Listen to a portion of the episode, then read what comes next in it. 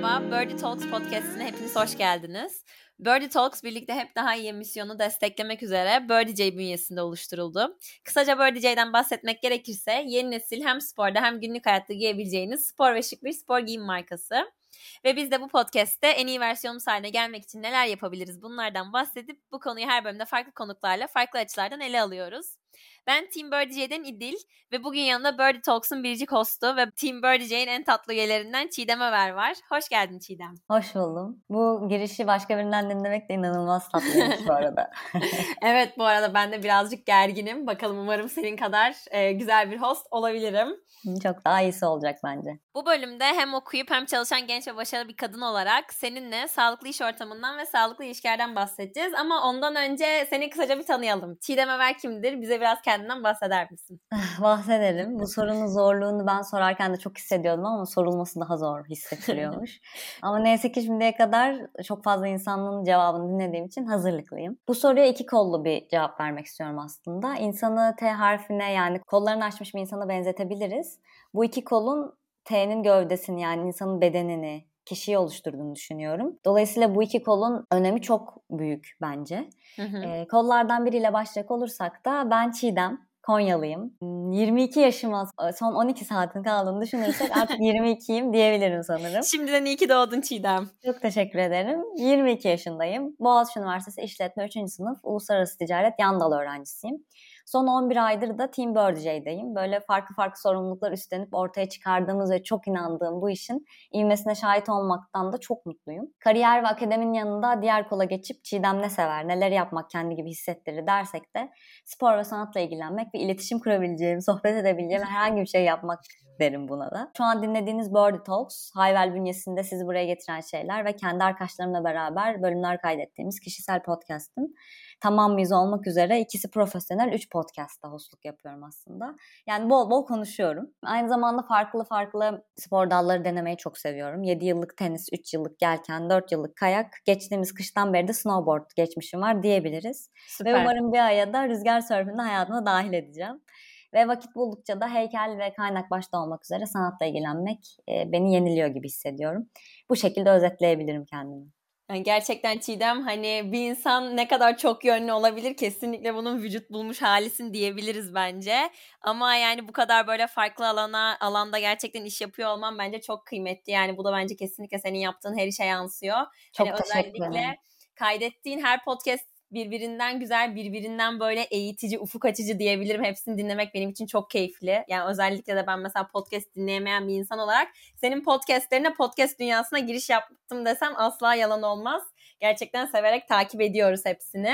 Süper. Ee, çok teşekkür ederim. Bunları duymak beni inanılmaz mutlu ediyor. Daha bol bol podcast kaydet. Bol bol da biz de hepsini dinlemeye devam edelim. Bugünkü podcastimizde sağlıklı iş ve ilişkilerden bahsedeceğimizi söyledik ama ben ilk önce bunun aslında tam zıttını bir konuşalım istiyorum. Yani insanın mobbinge uğradığını ve aslında manipüle edildiğini anlaması her zaman kolay olmayabiliyor. Bazen gerçekten farkına varamayabiliyoruz ya da farkına vardığımızda her şey çok geç olmuş olabiliyor. Gerçekten bu konuda çok yıpranmış olabiliyoruz. Sence bulunduğumuz ortamın bize iyi gelmediğinin farkındalığına nasıl varabiliriz ve aslında en önemlisi hatta belki de en zoru da diyebiliriz bunun için böyle toksik durumlardan kurtulma cesaretini nasıl gösterebiliriz? Çok iyi bir soru. Bence bütün bu sorulardan önce kendini tanımaya yönelik sorulara cevap bulmak lazım. Yani toksiklik diyoruz, işte toksiklikten kurtulma cesareti diyoruz. Ama ondan önce bunlar bizim için ne ifade ediyor? Yani toksiklik ne? Biz kimiz? Toksik ilişkide olduğumuzu düşündüğümüz insanlar kimler? Bence önce bunları bilmek yani çok iyi bilmek lazım. Kendi açından cevaplarını bulabilmek lazım gibi düşünüyorum. Ya bunların cevabını alabilmek önemli çünkü popüler kelimeler içi boşaltılmış hale gelebiliyor zamanla. İşte evet, toksiklik kesinlikle. mesela. Yani kendi anlamını bulduğunda bence onun arka planı doluyor, dolu hale geliyor bu kelime. O yüzden e, bu sorular için kendi perspektifini bulduğunda durumda kalma ya da çıkma kararını verip aksiyon alabiliyorsun. Podcast'a gelmeden önce de düşündüm. Yani ben en son ne zaman toksik bir ilişkide yani romantik ya da arkadaşlık toksik bir ilişki içinde hissettim kendimi diye. Ve cevabı 2018 hazırlık yılım benim. Tam evet. böyle yeni bir dönem hepimizin hayatında. Üniversitenin ilk senesi değil mi? Senin evet hazırlık senen. Evet evet aynen öyle hazırlık yılım ve hani bizim okulda da hazırlık ana kampüste olmuyor. Şehirden uzak Kilyos'ta Hı hı. e, daha ayrı bir kampüste oluyor. Ben de oradaydım. Yepyeni bir yere geliyorsun. Yani arkadaşlık kurman gerekiyor. Sosyalleşmen lazım. Ama aynı de- zamanda kendine göre insanları bulabilecek misin? Yani aslında böyle yepyeni bir yaşam kurmanın ilk adımı gibi. Ve bunun ilk adımı da tabii ki de arkadaşlık Hı hı. ilişkileri kurarak gelişiyor. Ve ben bu yıla dönüp baktığımda kesinlikle bana uygun olmayan arkadaşlık ilişkileri içinde bulunduğumu görüyorum. Bir de dedim ya şey diye hani e, gerçekten kavramların içleri e, boşaltılıyor vesaire diye. Bence özellikle böyle yeni ortamlara girerken insanların da hepsinde böyle bir sosyalleşmem lazım, yeni arkadaş edinmem lazım. Sürekli olarak kendilerini buna endeksledikleri için aslında o zaman da bence belki de yani işler birazcık samimiyet çizgisinden uzaklaşmış olabiliyor diye düşünüyorum Evet, ben. doğru. Yani anlaşılabilir bir durum. Tabii ki de hani ilk Aynen. gittiğin bir ortamda ilişki kurman lazım ama dediğin de doğru yani belki daha e, hani kendini göstermediğin ya da daha sağlıksız ilişkiler kurmaya Hı hı. yatkın bir yer haline geliyor. Benim için öyleydi en azından ama bunun tam zıttı da mümkün yani. Çok daha sağlıklı ilişkiler kurup hala hazırlık arkadaşlıkları ilk günkü gibi samimi giden insanlar da olur mu? Olur. Hı hı. Ama kendi kezimden bahsetmek gerekirse benim tarafımda işler çok öyle gitmedi. Şimdi dönüp baktığımda bunu görebiliyorum. O zamanlar içindeyken fark edemiyordum. Toksiklik benim için ne? Ben kimim? Daha bunlar kim? Dediğim gibi başta o söylediğim soruların cevabı bende tam olmadığı için bu ilişkinin içinde bir, bir buçuk yıl kadar kaldım. Ve bence bunun en tehlikeli kısmı başka bir ihtimal yokmuş gibi hissetmek. Yani Evet. o zaman şunu düşünüyorsun. Ya yok ben zaten işte bir dönemdir arkadaşım. Bu arkadaşlığın içindeyim. İşte biz çok eğleniyoruz. Eğlenmesek bu kadar zamandır olamam. İşte bak biz şunu yaptık. Bu hafta buraya gittik. İşte bu hafta şurada şu kadar eğlendik. Yani insanın aslında kendini kandırabileceği şeyler çok fazla oluyor. Ve vakit geçtikçe bunun içinden çıkılmama ihtimali çok daha artıyor. O soruların cevabını bulam, bulmazsan eğer. Dolayısıyla benim için de öyle olmuştu. Sonrasında pandemi oldu ve eve döndük. Eve döndüğümüzde gördüm ki yani eve gitmiyor muydum? Gidiyordum ama çok uzun bir süre evde kalmış olduk. Ve o zamanlar böyle ilk 3 ayda özellikle gördüm ki çok yorgunum ben ruhen. Yani inanılmaz yorgunum ve uzun süre evde kalmak, sonsuz sevgide hissetmek inanılmaz iyi geliyor. Ve şunu düşündüm yani ben okulumdan, bölümümden, yaşantımdan çok memnunum. Ama nerede yoruluyorum? Yani bu kadar yorulmama, eve gelince böyle kana kana su içmek olur ya. O doya doya bu duyguyu, bu sonsuz sevgiyi, rahatlığı yaşamaya çalışmamın nedeni ne? Yani orada onu düşünmeye başladım. Sonra gördüm ki yani beni mutlu etmeyen arkadaşlıklar içindeyim. Beni yoran şey o. Yani ben buluştuğumda mutlu olmuyorum. Beraber evet eğleniyor gibi görünüyoruz ama ben herkes eğlendiği için mi eğlenmeye çalışıyorum? Yoksa hakikaten o ortam beni eğlendiriyor mu? Bunun ayrımı içi, ayrımına bakmıyorum. Herkes eğleniyor diyor, eğleniyorum. Dolayısıyla bu yoruyor. Ki her gün hiç mutlu olmadığın ortamın içinde bulunmuş oluyorsun aslında ve bunu Mental olarak çok yorucu bir şey gerçekten bu. Hani Evet. fiziksel yorgunluğu bir kenara bıraktığımızda. Kesinlikle öyle ve farkına varmadığında çok daha bence e, daha da yorucu, fark etmediğim bir yorucu hale geliyor. Dolayısıyla kendinin farkına vardıkça bunu görüyorsun. Yani o pandemide kendime dönüp ya ben kimim, neden yoruldum ardına bakmak kendinin farkına varmanı sağlıyor. Hı hı. farkına vardıkça görüyorsun ki aslında sen bambaşka bir insansın ve bu ortam sana göre değil. Bu arkadaşlıklar sana göre değil. Ve geldiğim noktada şuydu. Ya benim az önce de konuştuk ya. Hani en tehlikeli kısmı başka bir ihtimal yokmuş gibi düşünmek. Evet. Ve hani şu şunu dediğim raddeye gelmiştim ya. Okey. Hiçbir başka ihtimal olmasa bile ben bu üniversite hayatını yapayalnız tek başıma geçirecek olsam bile ben bu, bu tarz bir arkadaşların içinde bulunmak istemiyorum. Dediğim Bu- noktada bence bitirebiliyorsun. Çünkü o zaman kendini tanıyorsun. Neden? Bu ortamın sana göre olmadığını biliyorsun. Bu kadar iyi gelmeyen bir ortamda olmaktansa kendinle olmak çok daha iyi bir opsiyon gibi duruyor. Aynı zamanda diğer bir örnek belki şey aklıma geldi. Bundan önce de hazırlıktan önce nerede hissettiğimi düşündüğümde de ortaokul. Ben ortaokul hayatımı arkadaşlık kuramadığım, sosyal anlamda sorunlu bir tip olduğuma inanarak geçirdim. Hı hı. Çünkü oradaki insanlarla asla asla anlaşamıyordum. Okuldan eve çoğu zaman mutsuz, anlaşılmamış, böyle çaresiz dönüyordum. Dolayısıyla bütün ortaokul hayatım yani böyle 2-3 yıl buna inanarak geçti. Sonra böyle liseye geçtiğimde gördüm ki ya ben aslında aşırı sosyal bir tipim. Yani insanlarla anlaşabiliyorum. Sohbet etmek bana inanılmaz keyif veriyor. İnsanları merak ediyorum. Onlarla kuvvetli bağlar da kurabiliyorum. Yani insanın kendini keşfetme sürecinin nereye denk geldiği de önemli. Farkındalığın arttıkça, kendine döndükçe, kendinin perspektifinin cevaplarını aldıkça bence bu başta, başta bahsettiğimiz senin sorundaki o toksik durumlardan kurtulma cesaretini bence gösterebiliyoruz. Çünkü o zaman şey görebiliyorsun. Benim bir başarımda tebrik etmek yerine sen de bir yerinde durmuyorsun ya gibi tepkiler veriliyorsa evet. bana göre bir insan değil. Ya da o ortamda bu kabul görüyorsa bana göre bir ortam değildir. Dolayısıyla ben bu ortamı değiştiremem ama kendime benim gibi düşünen insanların olduğu bir ortam kurabilirim. O yüzden onları fark etmek bence bu nedenle önemli. Evet ya yani özellikle senin dediğin şu nokta bence çok önemli. İnsanın kendini keşfetme süreci, kendini anlama süreci çok sancılı bir süreç. Özellikle de böyle işte ortaokulun son yıllarıdır, lise yıllarıdır. Yani hele o dönemlerde bence ekstra zor olan bir şey. Zaten hani insanın kendini keşfi, işte kendini anlaması hiçbir zaman bitecek bir şey değil. Ama özellikle o dönemlerde gerçekten insan bulunduğu ortam gereği, işte arkadaşları gereği, ailesi gereği falan ekstra e, zorlanabiliyor kesinlikle.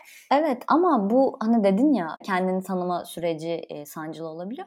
O kas da kullandıkça gelişiyor. Yani sen ne kadar kendini tanıma perspektifinden hayatı yaşarsan o kadar hakikaten bu senin artık normalin haline gelip her şeye o açıdan bakmaya ve öyle bir yaşam kurmaya başlıyorsun gibi geliyor. Kesinlikle. Bir de bence ilk etap gerçekten insanın kendiyle barışmak istemesiyle başlıyor. Yani hani kendini tanıman birazcık aslında kendini olduğun gibi kabullenmeyle bence çok paralel ilerleyen bir şey. Hani burada da e, şunun farkına varmak lazım. Hani e, bu insan bulunduğu arkadaş grubuna uyum sağlamak zorunda değil. Hani ben ayrı bir bireyim mantalitesine bence insan erişmesi gerekiyor. Kesinlikle. İlk başta bunlara başlayabilmek için bence.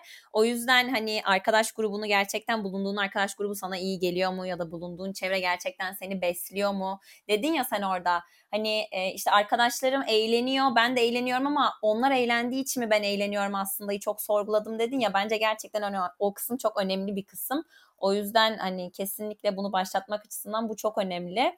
Ve şu noktaya ben birazcık değinmek istiyorum. Dedin ya hani tek seçenek o arkadaş grubuymuş gibi geliyordu bana diye. ee, aslında yani bir nevi bence şu şekilde de özetleyebiliriz. Yani insanın içinde bulunduğu o toksik durum her ne kadar to- toksik de olsa, kaotik de olsa insanın bir nevi konfor alanı haline geliyor aslında.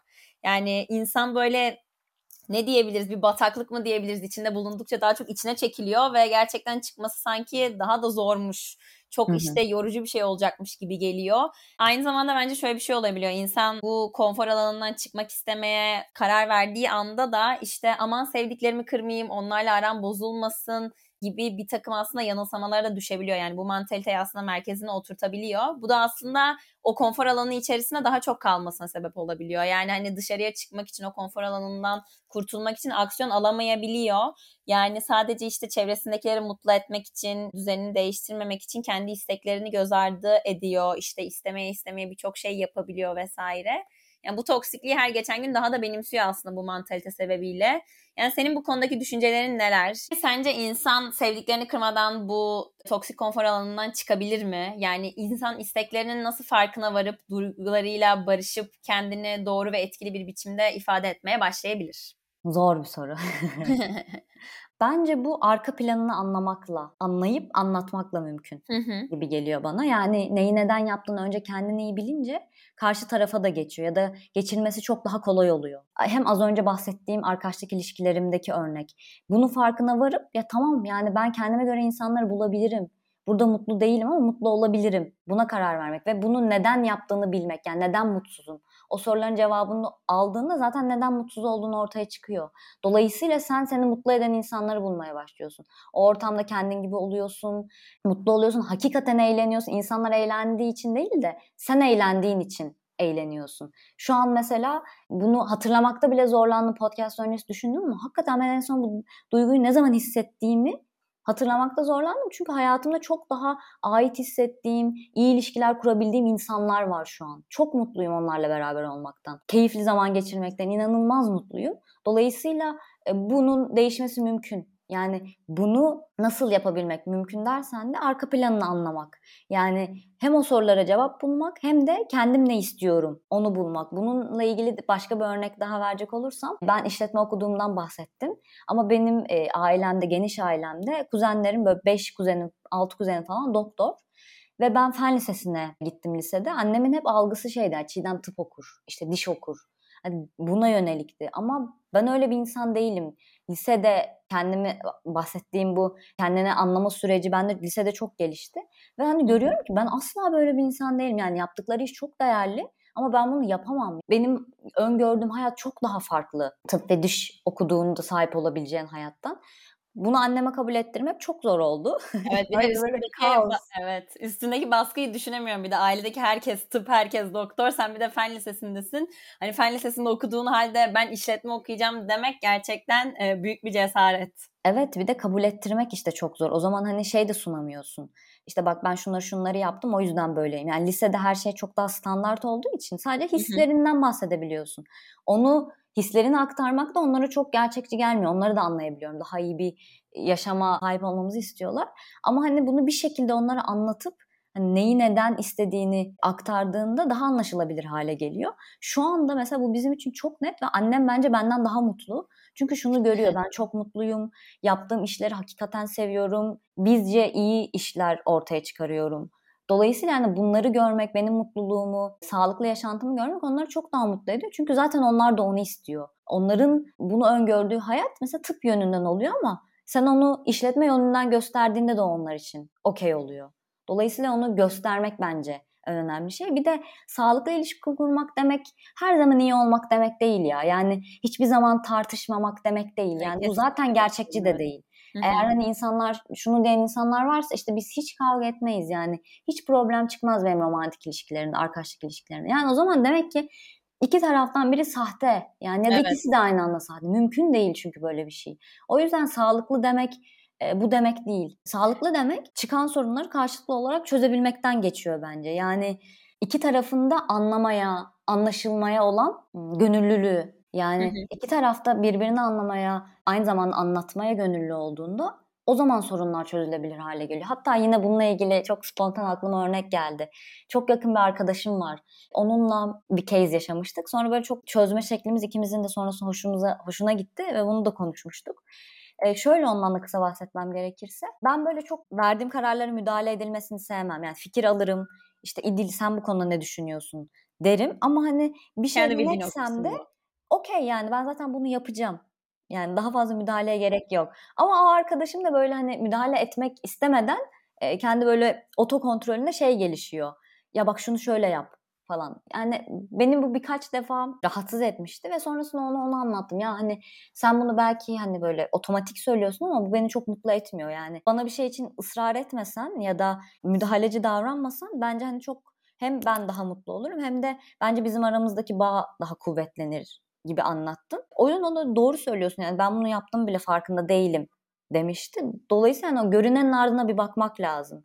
Yani beni mutlu ediyor mu? Hani bir de dedik ya kullandıkça gelişiyor o kas. Yani sen bunu ilk başta çok ana bir perspektifte bakıyorsun. İşte arkadaşlık beni mutlu ediyor mu? Sonra daha detaylanıyor. Yani bu hareket beni mutlu ediyor mu? Ben hani kendim gibi davranabiliyor muyum? Ya da ben neyden rahatsız oluyorum? Mesela onun yaptığı o harekette ne beni rahatsız ediyor? Benimle ilgili mi? Yoksa o anki o davranışla mı ilgili?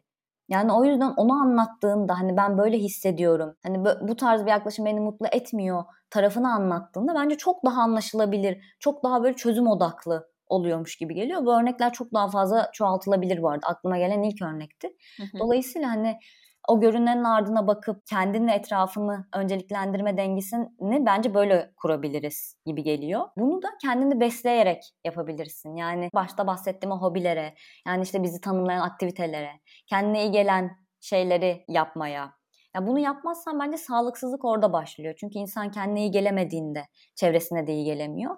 Dolayısıyla sen ne kadar kendini tanımaya, işte kendini mutlu etmeye, farkına varmaya başlarsan kurduğun ilişkiler, o ilişkilerde çıkan sorunları e, neden çıktığının ardındaki cevabı al, alıp beraber konuştuğunda çok daha sağlıklı hale geliyor bence. Kesinlikle. Yani bir de bence insanın kendini doğru bir şekilde ifade edebilmesi de bütün bu konuştuğu konularla gene bağlantılı olarak aslında içinde bulunduğu ortamlarla da çok bence ilişkili. Yani gerçekten kendini ifade ettiğinde seni olduğun gibi kabul edebilecek, anlayacağını düşündüğün insanlarla birlikte olmak da bence insanın kendini ifade etmesini kolaylaştırıyor diye düşünüyorum. Tabii ben. yani bir de şey de önemli İdil. Sonuçta sadece karşı taraf hata yapmıyor. Tabii Kendin ki. de çok fazla hata Hı-hı. yapıyorsun. Ve bu hatayı sana gösterebilecek insanlara ihtiyacın var. Dedim Aynen hani, öyle. Bu örnekler çok çoğaltılabilir. Şu örnekler de bence çok kıymetli. Ya Çiğdem bak burada çok doğru davranmıyorsun bence. Ya da hani seni şöyle yapman bana iyi gelmedi. Yani bunları duyabilmek, o geri bildirim alabilmek bence insanı inanılmaz geliştiren bir şey. Ama bunu kimden aldığın da çok önemli. Evet, o Hakikaten samimiyet önemli. Hem samimiyet hem de seni geliştirmek için söyleniyor bu? Evet o niyeti gerçekten insan aslında anlıyor bence. Yani kimin Tabii. gerçekten seni aşağı çekmek için yorumlarda bulunduğu, kimin gerçekten sana yardım etmeye çalıştığı kendini çok bence bariz bir şekilde gösteren bir durum. O yüzden hani gerçekten insanın içinde bulunduğu arkadaş ortamı onu beslemesi açısından, kendiyle barışması açısından, kendini doğru ifade edebilmesi açısından çok çok önemli ve çok çok kıymetli.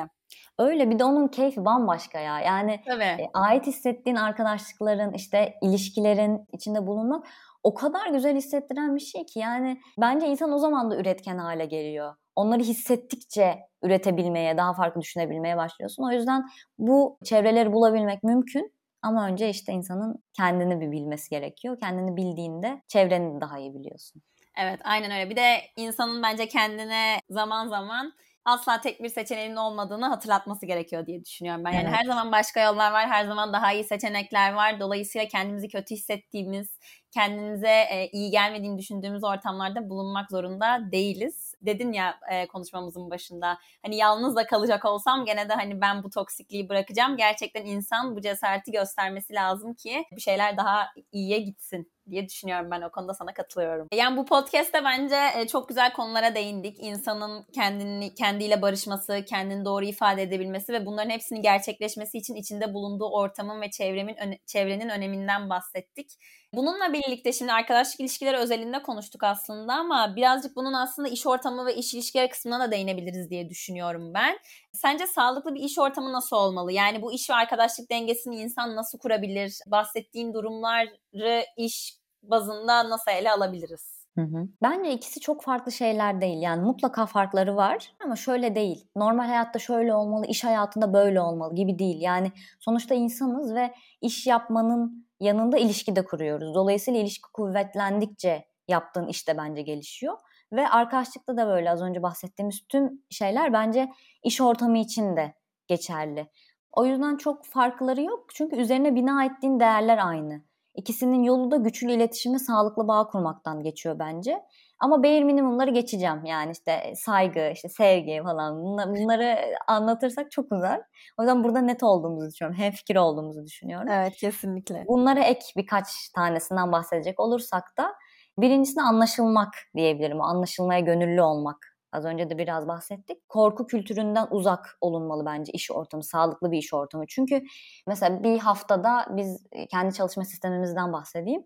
E, task bazlı çalışıyoruz. Pazartesi günleri herkesin yapılacağı işler giriliyor. Cuma'ya kadar yapman gerekiyor ki e, düzenli bir şekilde de bu şekilde gidebiliyoruz. Ama ben o hafta bir şey yapamadıysam mutlaka bir nedeni vardır mutlaka Bilge beni anlar, ekip beni anlar, Dolayısıyla ben o noktada kendimi rahat hissediyorum. Yani buradaki o ince çizgiyi koruyabilmek, e, iyi niyeti suistimal etmemek ama eğer o hafta bir şeyler ters gittiyse şey stresine girmiyorum. Ya yapamadım şimdi ne olacak? Eyvah.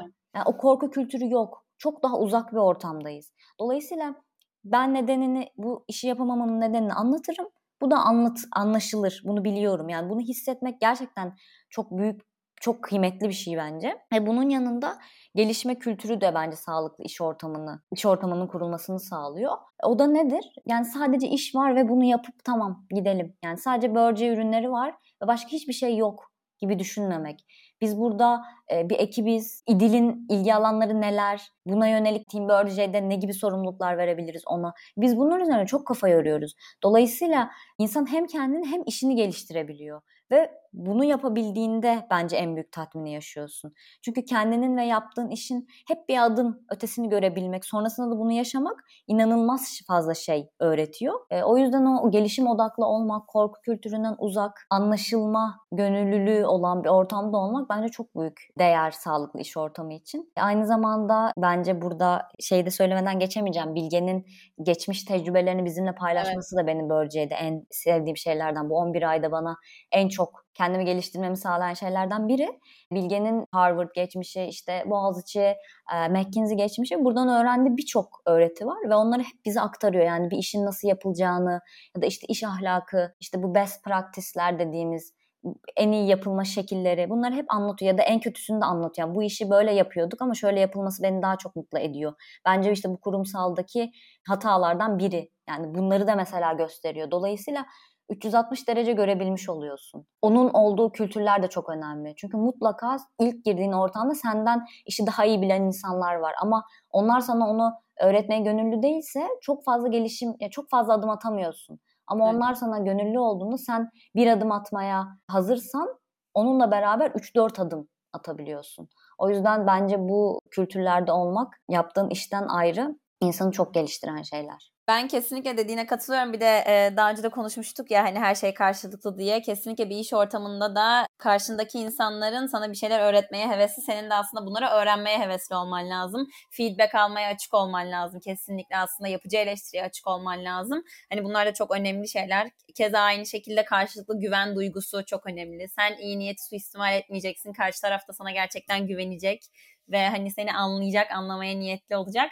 Bunların hepsi çok kıymetli ve dediğin gibi bence biz bunu e, Team Virgie olarak çok güzel bir şekilde başarıyoruz kesinlikle.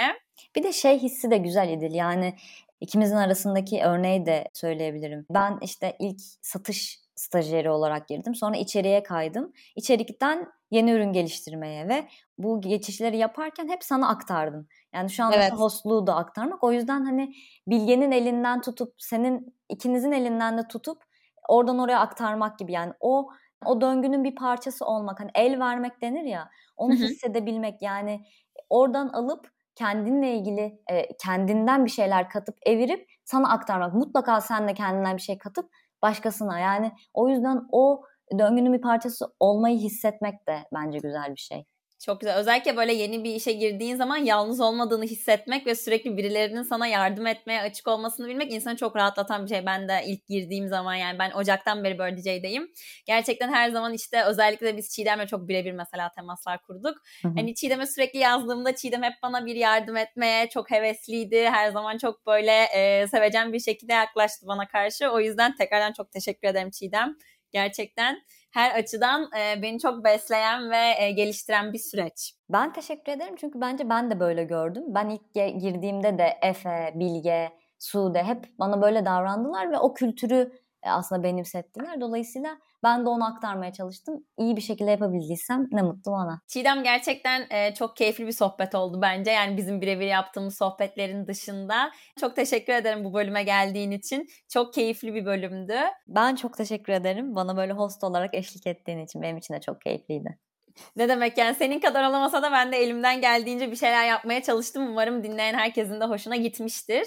O zaman Çiğdem geleneğimizi bozmayalım ve e, kapanışı ben sana devredeyim. Kapanışı sen yapalım. Tamamdır. Biz bu bölümde sağlıklı ilişkiler, toksik ilişkiler, bunların farkları, kendini tanımak, aslında holistik bir şekilde sağlıklı yaşayabilmekten bahsettik. Bunun bir yanı da konforlu ürünleri hayatımıza dahil edebilmekten geçiyor. Eğer siz de bu ürünleri hayatınıza dahil etmek isterseniz konforundan emin olduğumuz Burce ürünlerini açıklamalar kısmına ekledim www.burce.com üzerinden ulaşabilirsiniz. Bir sonraki bölüme kadar kendinize iyi bakın.